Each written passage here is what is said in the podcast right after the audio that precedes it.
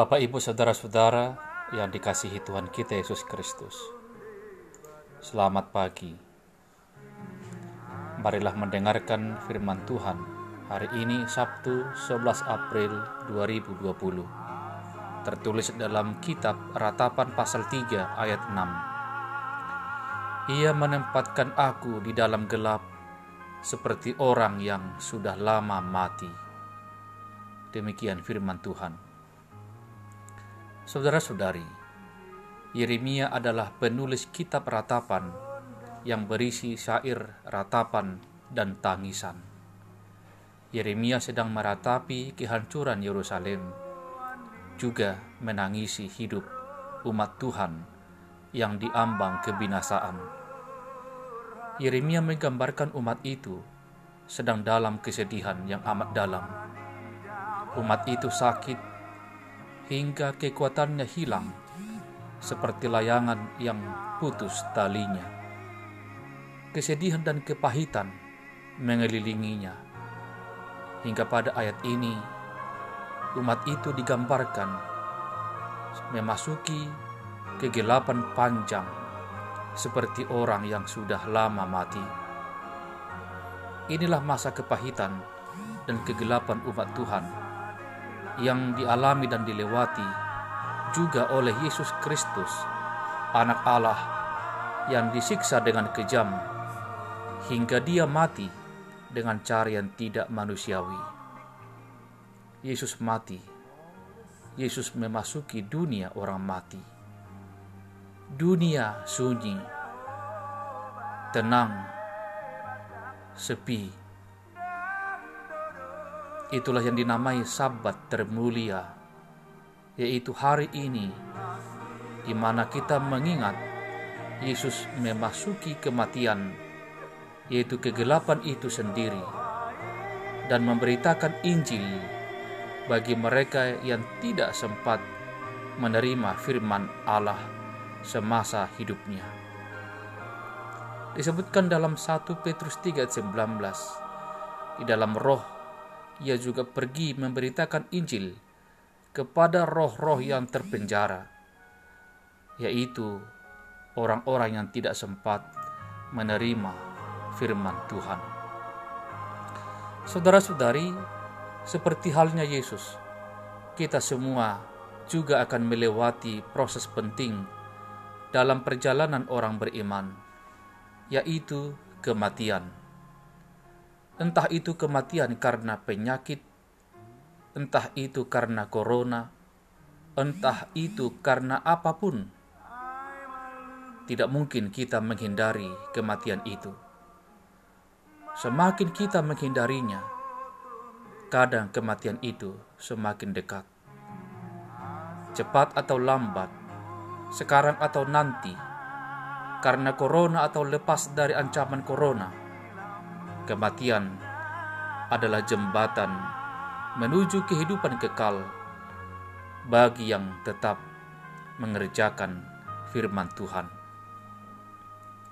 Saudara-saudari, kematian bukanlah ancaman bagi kita, tetapi jembatan yang membawa kita kepada kehidupan kekal. Yang paling penting sebetulnya adalah bagaimana hidup kita sebelum ajal itu datang. Tuhan mengharapkan agar kita membaharui hidup kita setiap hari, bertobat setiap saat, dan datang kepada Tuhan, mengerjakan apa yang dikehendakinya, melakukannya dengan sepenuh hati kita. Apalagi masa-masa ancaman virus COVID-19 ini, hendaklah mampu mengubah dan membaharui hidup kita menjadi seperti yang Tuhan kehendaki.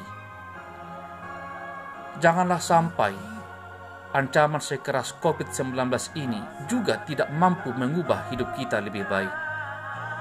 Kita masih suka berpikir negatif. Kita masih senang menyimpan dendam dan kebencian. Kita masih suka sirik.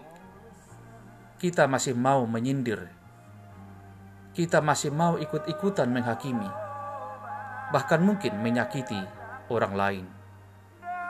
Atau kadangkala kita merasa diri kita lah yang paling benar. Orang lain itu salah dan sesat. Keadaan yang kita alami sekarang hendaklah membawa kita kepada Tuhan. Menyadari bahwa kita pun harus membaharui bahkan bertobat kembali kepada Allah sebelum ajal menjemput kita. Saudara-saudara yang dikasihi Tuhan kita Yesus Kristus, hari ini kita diajak untuk ikut serta membersihkan pemakaman Matai seperti yang kita lakukan pada tahun-tahun sebelumnya. Di hari Sabtu ini, dan dikenal dulu sebagai hari Sabat. Bahkan di hari yang tenang ini, kita diajak dan ditawarkan untuk ikut serta membersihkan pemakaman Matai. Tentu ini bukan paksaan, apalagi kewajiban. Ini sebuah panggilan kepada kita semua. Apa gunanya kita pergi ke kuburan? Kita ke sana bukan hanya sekedar mengingat dan melihat kuburan kita, keluarga kita, sahabat-sahabat kita, atau mungkin kita tidak dikubur di sana jika kita mati kelak. Tetapi kita pergi ke kubur semata-mata juga ingin mengenang kebaikan orang-orang yang sudah pergi.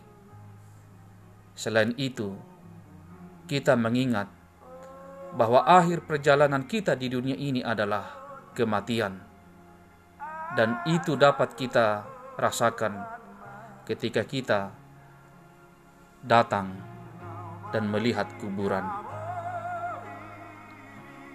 Pada saat itulah kita diingatkan bahwa ajal kita suatu saat akan datang, seperti saudara-saudara kita yang tertidur dalam kuburan masing-masing.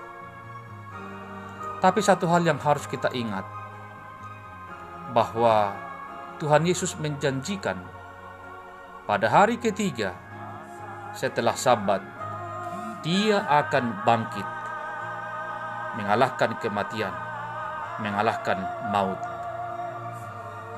Maka pikirkanlah, tuliskanlah, katakanlah lakukanlah apa yang berkenan bagi Tuhan.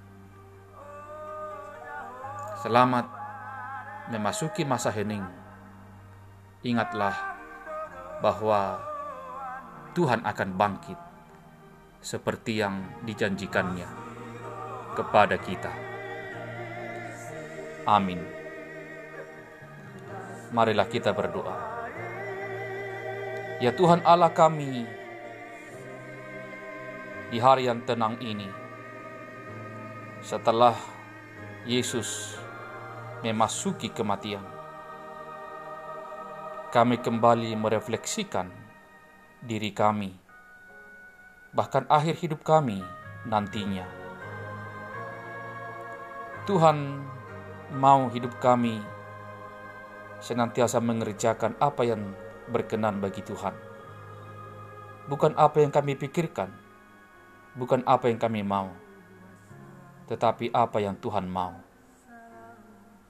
Maka baharuilah hati kami, pikiran kami, perkataan kami, tulisan kami, tindakan kami, perbuatan kami, bahkan segala gerak hidup kami.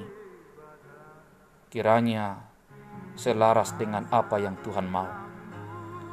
Terima kasih ya Bapak. Ampunilah dosa-dosa kami. Ampunilah ya Tuhan. Terima kasih. Di dalam nama Yesus, kami berdoa kepadamu. Amin. Saudara-saudari, selamat hari Sabat, hari Sabtu yang tenang. Pada hari Minggu, di hari yang ketiga setelah Sabat, ingatlah bahwa Yesus bangkit, dan itulah hari kemenangan. hari Minggu yang selalu kita rayakan adalah hari kemenangan, hari kebangkitan yang harus menuntun kita untuk tetap bersemangat melakukan apa yang berkenan bagi Tuhan. Shalom.